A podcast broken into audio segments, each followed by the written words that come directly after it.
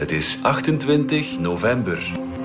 Dit is vandaag de dagelijkse podcast van de Standaard. Ik ben Alexander Lippenveld.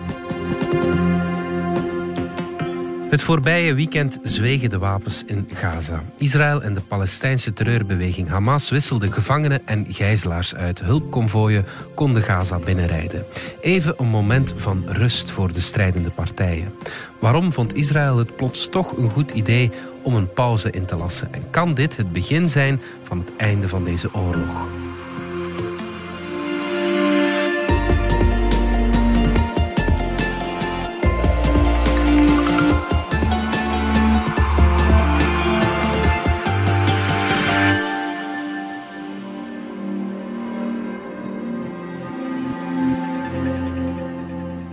Sinds vrijdag is er een gevechtspauze in Gaza. Vier dagen zou die duren. Er was wel een kans op een uh, verlenging. Intussen is na onze opname op maandagmiddag duidelijk geworden dat er nog uh, minstens twee dagen bij komen. Koen Vidal, chef van onze buitenlandredactie. Hoe zijn die eerste vier dagen van dat staakt het vuren verlopen? Wel, het akkoord rond het staakt het vuren en de, de uitwisseling van Israëlische gijzelaars en Palestijnse gevangenen is eigenlijk ja, gerespecteerd. Mm -hmm. Dat wil zeggen dat uh, enfin, de deal is om, om 50 Israëlische gijzelaars vrij te laten in ruil voor 150 Palestijnse gevangenen. Mm -hmm. Ja, dat wordt gehonoreerd. Af en toe zijn er spannende momenten. Ik denk dat het ook wel kadert in een, in een zenuwoorlog. Bijvoorbeeld Hamas heeft op dat moment heel lang gewacht om de, de mensen vrij te geven. Dat ja. creëerde dan weer spanningen in Israël. Dus dat wel, maar uh, de grote lijn, enfin, de essentie, wordt gerespecteerd. Ja. Dus, um... je, je, klinkt een beetje verbaasd. Hadden we dit niet verwacht dan dat dit goed zou gerespecteerd worden? Nee, ik klink niet echt verbaasd, maar het is natuurlijk, ja, het staat in schril contrast met de afgelopen weken, waar je uh, ongelooflijke zware bombardementen hebt gehad, uh, met natuurlijk ook 7 oktober uh, verschrikkelijke massamoord. Dus ik klink misschien eerder een beetje opgelucht. Ja, hm. ja. ja, ja, ja oké. Okay. Wat weten we om te beginnen over die, uh, die gijzelaars die nu vrijgelaten zijn door Hamas? Wel, het zijn vooral vrouwen en kinderen. Mm -hmm. Dat was ook de afspraak. Dus in totaal tot nu toe zijn het er uh, 39. Mm -hmm. Daar zitten ook een negentiental mensen bij die een uh, dubbele nationaliteit hebben, buitenlands paspoort ook dragen. Onder die 19 vooral Thaise arbeiders, dat zijn eigenlijk seizoensarbeiders, want in de kibbutz uh, ja, is een grote uh, fruitteelt en um, okay. vandaar die, um, die arbeiders. Ook een Russisch-Israëlische man die uh, de sound engineer was voor het festival. Mm -hmm. Die is ja, waarschijnlijk onder druk van Rusland vrijgeraten en ook een Filipijn. Aan de andere kant heb je dan tot nu toe 117 Palestijnse gevangenen, een aantal vrouwen, maar vooral minderjarigen. Dus kinderen, adolescenten. Die ooit gearresteerd zijn wegens het protest, hun protest tegen Israël. Ja, inderdaad. Ja. Maar um, Israël heeft heel veel minderjarigen opgepakt en in de gevangenis gezet, vaak zonder proces. Mm. En vaak ook wel voor wat je echt wel zou kunnen noemen ja, kleine feiten. Ja. Het is bekend dat voor het oprapen van een steen, dat je al in de gevangenis uh, kan vliegen. Ja. Dat ben ik niet die dat zegt. Dat is bijvoorbeeld ook Kenneth Roth, de vorige directeur van Human Rights Watch. Hm toch een uh, onverdachte bron die dat uh, gedurende jaren heeft uh, gevolgd. En ook wel de afgelopen dagen benadrukt van, ja, kijk eens ook naar die Palestijnse gevangenen. Driekwart is niet veroordeeld en het zijn vooral minderjarigen. Dus dat is ook wel iets dat nu opnieuw in de schijnwerpers komt. Er zijn nu dus 39 gijzelaars vrijgelaten. Mm -hmm ik meen me te herinneren dat er meer dan 200 werden uh, vastgehouden sinds het begin van, uh, ja, van deze escalatie. Wat gebeurt er met hen? Ja. Wel, voor Hamas blijft dat een enorme hefboom mm. om Israël onder druk te zetten. Het kan zijn dat er een aantal van hen de komende dagen toch gaat vrijgelaten worden. En dat zit dan in de hele onderhandeling over de verlenging van het staakt het vuren. Dus er is een akkoord dat per dag er tien extra gijzelaars zouden worden vrijgelaten. Ja. Dat moet nog allemaal blijken. Wat al wel duidelijk is, dat Hamas vragende partij is voor zo'n verlenging. Mm. En ook Netanyahu heeft een positief signaal gegeven momenteel. Mm. De internationale druk is ook heel groot en die komt dan vooral van de VS, mm. waar de minister van Buitenlandse Zaken Blinken ook heeft gezegd van ja, Het moet verlengd worden. Mhm. En bovendien, Israël, je moet al het mogelijke doen om ja, het aantal burgerdoden te beperken. Mhm. Dus je voelt ook wel die druk op Israël eh, toenemen. Ja. Die gijzelaars zijn er natuurlijk voor Hamas cruciaal. Ja, om het heel cynisch te zeggen, die, die hebben een prijs. Ja. En verwacht wordt dat naar gelang dat er meer worden vrijgelaten, hebben ze er minder. En dat die prijs ook gaat toenemen. Mhm. Wat ze daarmee willen bereiken, ja, dat is nog niet duidelijk. Mhm. Misschien een verlenging van het staakt het vuren, maar we mogen ook niet vergeten dat Hamas een oorlogspartij hier in Mhm. deze is, met een, een dynamiek die vooral rond militaire strategie ook wel te maken heeft. Dus Mhm. ja, het is zeker niet uit te sluiten dat zij zeg maar, het aantal gijzelaars ook gaan gebruiken om, om tijd te rekken, Ja. om misschien concessies te vragen aan Israël in verband met, met de strijd zelf. Ja. Eisen rond zelfbestuur van de Palestijnse over Gaza. Ik denk Gaat dat we nog om? niet zo ver zijn. Mhm. In ieder geval, dat zijn aspecten waar Israël op dit moment niet aan denkt. Mhm. Israël zit, en dat is als je even in het hoofd van Israëlische politici probeert te kruipen, zij zitten met 7 oktober in hun hoofd. Mhm. Ja, 1400 mensen verloren en zoveel gijzelaars. Dat is enorm. Mhm. Eh, en dat bepaalt ook hun, hun mindset. En zij gaan na een maand niet zeggen van ja, we gaan nu even vredesonderhandelingen doen met Hamas. Mhm. Zij willen nu Hamas ja, liquideren, Ja. zo zeggen ze het zelf. En dat zal eh, nog voor een tijd hun positie wel blijven. Ja, ja, daar gaan we zo meteen op door. Maar eerst nog eh, dat staakt het vuren. Er is ook humanitaire hulp binnengekomen in Gaza. Het is misschien een vreemde vraag, maar is het daar nu iets leefbaarder dan, dan voor het staakt het vuren? En zijn er wat dingen waardoor de situatie iets verbetert voor de mensen? Ja, per dag zouden er ongeveer 150, eh, het is iets meer denk ik, vrachtwagens de grens passeren. Voor de oorlog waren dat er 500. Hm. Eh, dus het is toch altijd nog een, een fractie van wat voor een leefbare situatie zou zorgen. Voorlopig krijgen wij van de mensen in Gaza met wie we in contact zijn, nog niet echt signalen van eh, we hebben nu toegang tot water, we hebben toegang tot voedsel. Ja, het zal wel arriveren, maar ja, de noden zijn ook enorm. Gedurende een maand is er zo goed als niets doorgekomen. De, de brandstof zal gebruikt worden waarschijnlijk voor de waterzuiveringsinstallaties. Dat zal... Het is ook nog allemaal heel pril. Hè. Het is nog maar ehm, ja, drie, vier dagen. Mhm. De noden zijn enorm en het zal een beetje helpen. Maar Ehm, het is een druppel op een hete plaat misschien. eh, ja, voilà. ja. En, en vandaar ook dat het eh, alleen al om humanitaire redenen zou het zo cruciaal zijn dat dat staakt het vuren kan verlengd worden, zodat je toch iets meer tijd krijgt om daar 150 vrachtwagens per dag voor, voor een soort minimale Ja. voedsel, eh, water, medicijnen ook te zorgen en brandstof om, om die, ehm, ja, de weinige infrastructuur die er, er voor de oorlog al was, om die toch op een of andere manier terug draaiende te, enfin, op, opnieuw op te starten. En dan Mhm. gaat het vooral over waterzuiveringsinstallaties. Israël stond ja, toch lange tijd niet te springen voor zo'n staakt het vuren, omdat Hamas dan natuurlijk ook even een, eh, een pauze krijgt om zich te hergroeperen. Waarom is dat er nu toch gekomen? Wel, ten eerste, en dat is wel belangrijk om te vermelden, is dat er eigenlijk al een heel lange traditie in Israël bestaat dat als er gijzelaars zijn, dat die voor een enorme prijs mogen teruggehaald worden. Hmm. In het verleden is er ehm, al een, Israëlische militair, 2006, gegijzeld en die is in 2011 eh, vrijgekomen. In ruil voor meer dan duizend Palestijnse gevangenen. Dus dat schetst ongeveer een traditie die in Israël echt wel ja, deel uitmaakt van die samenleving. Waarom is dat nu niet gebeurd? Omdat de regering ja, is ook wel een beetje een breuk met die traditie. Het is een, een zeer rechtse regering die echt in termen denkt van we moeten Hamas liquideren, wat het ook mogen kosten, en is veel minder met die gijzelaars bezig geweest. Netanyahu zit daar, ja, zal ik maar zeggen, binnen dat extreme, extremistische kamp nog in een soort middenpositie en is wel gevoelig voor die druk die dan weer vanuit de oppositie, vanuit de familie van de, de gijzelaars, die ook een mars op zijn kabinet hebben georganiseerd. Dus daar stond, ontstond wel een enorme eh, morele druk, een emotionele druk, gekoppeld aan die traditie in Israël. En ook wel gekoppeld aan het feit dat zeg maar, de meer progressieve kant van de Israëlische samenleving in dat oorlogskabinet zit. Enfin, de, de politieke vertegenwoordigers daarvan. Dus die Ja, ja. konden ook wel eh, druk uitoefenen. Dus op die manier is het dan toch op een bepaald moment ja, gekanteld. Ja. Er is ook heel veel buitenlandse druk. Mhm. Eh, ook weer opnieuw de Verenigde Staten, die een aantal gijzelaars met de dubbele nationaliteit hebben, of met de Amerikaanse nationaliteit, heeft ook meegespeeld.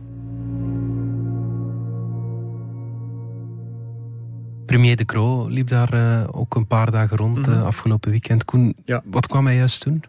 Wel, hij was in het gezelschap van de Spaans premier Sanchez, Mhm. die momenteel de EU-voorzitter is. En eh, België volgt Spanje op. Dus eh, de Croo is eigenlijk de, de opvolger als EU-voorzitter. Dus vandaar dat ze in duo gingen. Ze hebben eigenlijk een, een zeer evenwichtige boodschap verkondigd, die wel de nadruk legde op ja, de enorme slachtofferaantallen in Gaza. We need to stop the killing of innocent people. We need to respect international humanitarian law and we must make sure that all parties are abiding by the rules. Omdat je toch wel bijna aan het 15.000 doden, meer dan 6.000 kinderen. Dus ja, dat, die, die, die tol wordt echt eh, schrikbarend en Mhm. Niet te verantwoorden. 36.000 gewonden ook, dus dat zijn ook wel... Ja, daar zitten ook heel veel mensen tussen Ja. die voor het leven verminkt zijn. Ik las ook ergens dat het aantal slachtoffers nu al hoger is dan 20 jaar oorlog in Afghanistan van Ja. burgerslachtoffers. Ja. Om het maar even te Ja, het is, kaderen. het, is. Ja, ja. ehm, ja, het, het woord eh, disproportioneel wordt dan vaak Ja, gebruikt. Maar, maar ja, we zitten eigenlijk al eh, ver voorbij dat woord. We gaan bijna een nieuw woord moeten vinden om, om dit uit te drukken. Israël heeft natuurlijk een heel zware verantwoordelijkheid in die burgerdoden. Heeft Hamas die niet ook gewoon? Is- zijn ze niet mede verantwoordelijk voor dat hoge aantal burgerdoden? Ja, dat is duidelijk. Allee, hun verantwoordelijkheid is eveneens eh, ja, verpletterend. Hè? En Mm. tweetal weken geleden hebben zij ook een aantal de leiders van Hamas politieke uitspraken gedaan, onder andere in de New York Times. En dat zijn redeneringen die heel veel op politieke redeneringen lijken van ja, eindelijk is eh, de kwestie Palestina terug op de politieke agenda. Maar ja, de achtergrond is wel dat daar 15.000 doden voorvallen. En ik vraag mij af of zij dan wel zo begaan zijn met hun burgers. Mhm. Hier zijn twee strijdende partijen en dit kan enkel opgelost worden als eh, die twee strijdende partijen stoppen. En het belang van burgers, het belang van kinderen voorop stellen. Mhm. Dat is duidelijk. En ja, heel de kwestie van de tunnels onder hospitaal. Ik vind persoonlijk, we missen een onafhankelijk internationaal onderzoek Mhm. om dat op te helderen. Mhm. Momenteel is het, eh, zijn het Israëlische bronnen en Israëlische kranten. Het beeldmateriaal dat we krijgen is heel beperkt en karig en niet te verifiëren. Mhm. Tegelijkertijd, we hebben wel voldoende informatie dat er een tunnelnetwerk zich onder de samenleving in Mhm. Gaza bevindt, waar een strijdmacht van een aantal 10.000 milities bezig is om een oorlog te voeren. Mhm. Dat kunnen we wel met zekerheid zeggen, Mhm. dat zij ook aan het vechten zijn op een grondgebied dat enorm dicht bevolkt is, waar heel veel mensen wonen en waar nu heel veel mensen zijn omgekomen. Nog even terug naar die eh, boodschap van De Croo en eh, Sanchez. Ze riepen op om die gevechtspauze te verlengen en om naar een eh, permanent staakt het vuren te streven. Permanent ceasefire is the objective. Let us use this temporary ceasefire as a path toward a permanent ceasefire. Ja, Koen, daar was Netanyahu niet mee opgezet hè, met die boodschap. Nee, ik denk dat eh, het standpunt was op zich evenwichtig, maar speelde niet in de kaart van, van Hmm. Netanyahu. Eh, vandaar ook die, die heftige reactie. In zijn hoofd gaat het over de vernietiging van Hamas. En aan het staakt het vuren koppelt Netanyahu ook altijd een tweede zin. Na het staakt het vuren gaan wij volop terug oorlog voeren tegen Hamas. Hamas moet vernietigd worden. Eh, er is ook steeds meer sprake van een heel zwaar offensief op het zuiden van Gaza, waar heel veel vluchtelingen zitten. Dus in de optiek van Netanyahu kwam die boodschap van de Croo zeer ongelegen. En ik denk, ja, je zou kunnen zeggen, België, klein landje. En Spanje misschien enfin, iets groter, maar misschien ook niet de meest zwaarwichtige speler. Maar wat Netanyahu vreest, en ik denk wel dat hij zich daaraan mag verwachten, is dat dat standpunt door steeds meer landen gaat overgenomen worden. Ja. Dus een verlenging van het staakt het vuren, net omwille van die zware slachtofferbalans die, die, die moeilijk nog uitgelegd kan worden. Zelfs Biden krijgt het niet meer uitgelegd aan een deel van zijn kiespubliek dat er zoveel burgers en dan nog zo'n hoge tol qua kinderen is. Biden denkt voor een stuk in morele termen, maar ook wel voor een stuk in verkiezingstermen. Ja. En hij ziet wel een deel van zijn, zeg maar, zijn linker potentieel dat heel veel vragen stelt bij zijn standpunt en houding ten aanzien van, van Israël. Vandaar Ja. dat je dat ook wel een beetje ziet schuiven. Ja, ja, in de publieke opinie, zeker bij ons, is de roep om een hardere veroordeling van Israël heel groot. Hè? Waarom komt dat er niet explicieter dan, dan deze boodschap van De Croo en Sanchez? Ja, ik denk dat het een evenwichtsoefening is. Hm. Nu, ik vind het persoonlijk dan, het, het, het Belgisch standpunt, wel heel goed uitgebalanceerd. Want je kan ook niet doen alsof 7 oktober en de aanval van Hamas niet heeft plaatsgevonden. Mhm. Dat blijft een enorm traumatiserend element voor Israël. Wij hebben hier ook op 22 maart aanslagen gehad. Mhm. Herinner u wat voor zware impact dat heeft gehad op onze samenleving en op onze psychologie ook. Ja. Dus je mag dat niet minimaliseren. Mhm. Maar tegelijkertijd ja, heb je dan die, die totaal uit de hand gelopen dodental, waar de Kroot ook over heeft gehad. Nu, ja, het is een eh, diplomatiek evenwichtsspel Mhm. natuurlijk. Ja. Ik denk, uiteindelijk zitten we op een vrij evenwichtig eh, standpunt. Het belangrijkste is, en stel nu dat het staakt het vuren verlengd kan worden, dan zitten we voor de bevolking in Gaza wel op een hele belangrijke boodschap, denk ik. Dat zou voor die bevolking Ja. bijzonder belangrijk zijn. En weet je, je wint daarmee misschien ook een aantal dagen onderhandelen over een iets meer permanent.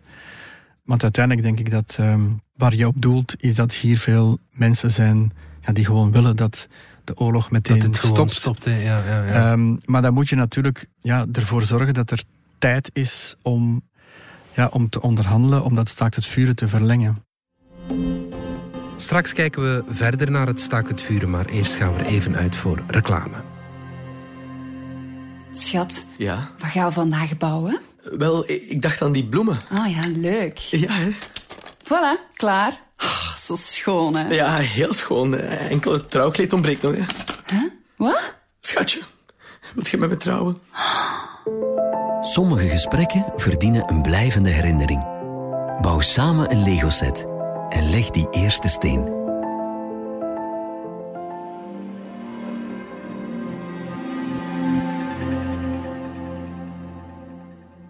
Koen, wat is de kans dat er een permanent staakt het vuren komt? Ja, dat is op dit moment heel moeilijk te zeggen natuurlijk. Ja, de vraag is waar, waar wil Israël eigenlijk eindigen Mhm. met deze oorlog? Je hoort, we willen Hamas liquideren. Eh, ja, wat is dat? Is dat de, de leiders liquideren? Mhm. Is dat een paar duizend troepen, milities liquideren? Dat is al een heel ander verhaal. Ik denk de essentie is dat ze een herhaling van 7 oktober willen voorkomen. Mhm.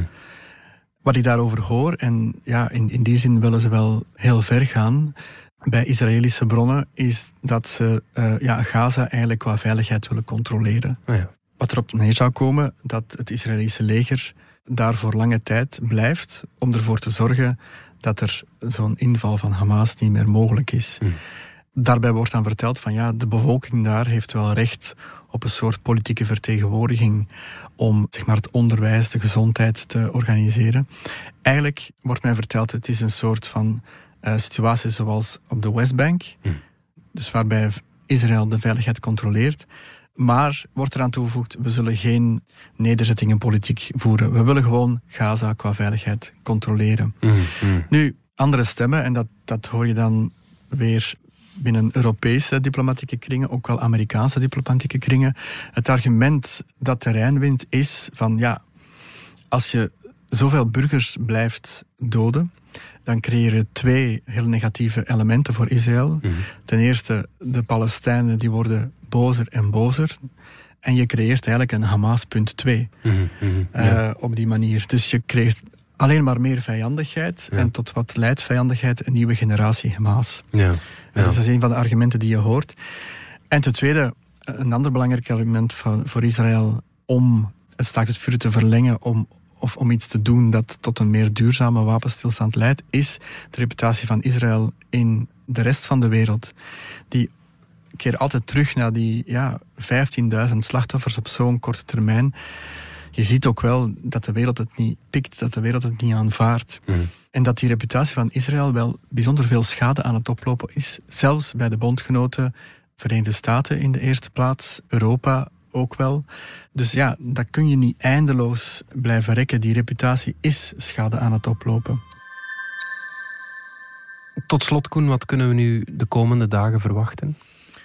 Wel, wat we, waar we nu op wachten is een, is een verlenging eigenlijk per dag van dat staakt het vuren. Dus dat akkoord van één dag tien gijzelaars vrijlaten. Nu, ehm, Hamas zit daar wel met een beperking. En ze zullen zeker niet alle gijzelaars op korte termijn vrijlaten, want dat is hun belangrijkste hefboom om Israël onder druk te zetten. En dat is een heel cynisch spel van psychologische intimidatie en oorlogvoering. En ja, misschien wel het meest cynische en erge voorbeeld betreft twee Israëlische kindjes. Het is een baby van tien maanden en eentje van vier jaar. Ze hebben toevallig alle twee eh, rood haar.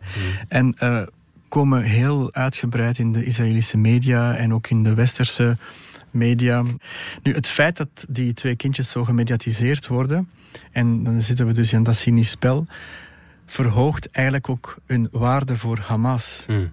Dus iedereen wil dat die twee kindjes vrijgelaten worden en terugkeren. Maar Hamas heeft nu al laten weten, die twee kinderen zijn voor ons enorm veel waard. Ja, Op een heel cynische manier dus. ja. Dus ja, de komende dagen denk ik dat je dat heel hard onderhandelen over mensenlevens en dan ook over een staakt het vuur dat dan weer voor heel veel, heel veel mensenlevens kan redden. Eh, het gaat een bijzonder hard spel zijn dat we de komende dagen zullen meemaken. Mhm, Oké, goed. Koen Vidal, dankjewel. Graag gedaan. Dit was vandaag de dagelijkse podcast van De Standaard. Bedankt voor het luisteren. Volg ons op Spotify, Apple Podcast of eender welk ander podcastplatform. Of download de vernieuwde app DS Podcast, waar je ons werk en de beste luistertips van onze redactie terugvindt. Alle credits van de podcast die je net hoorde vind je op standaard.be-podcast.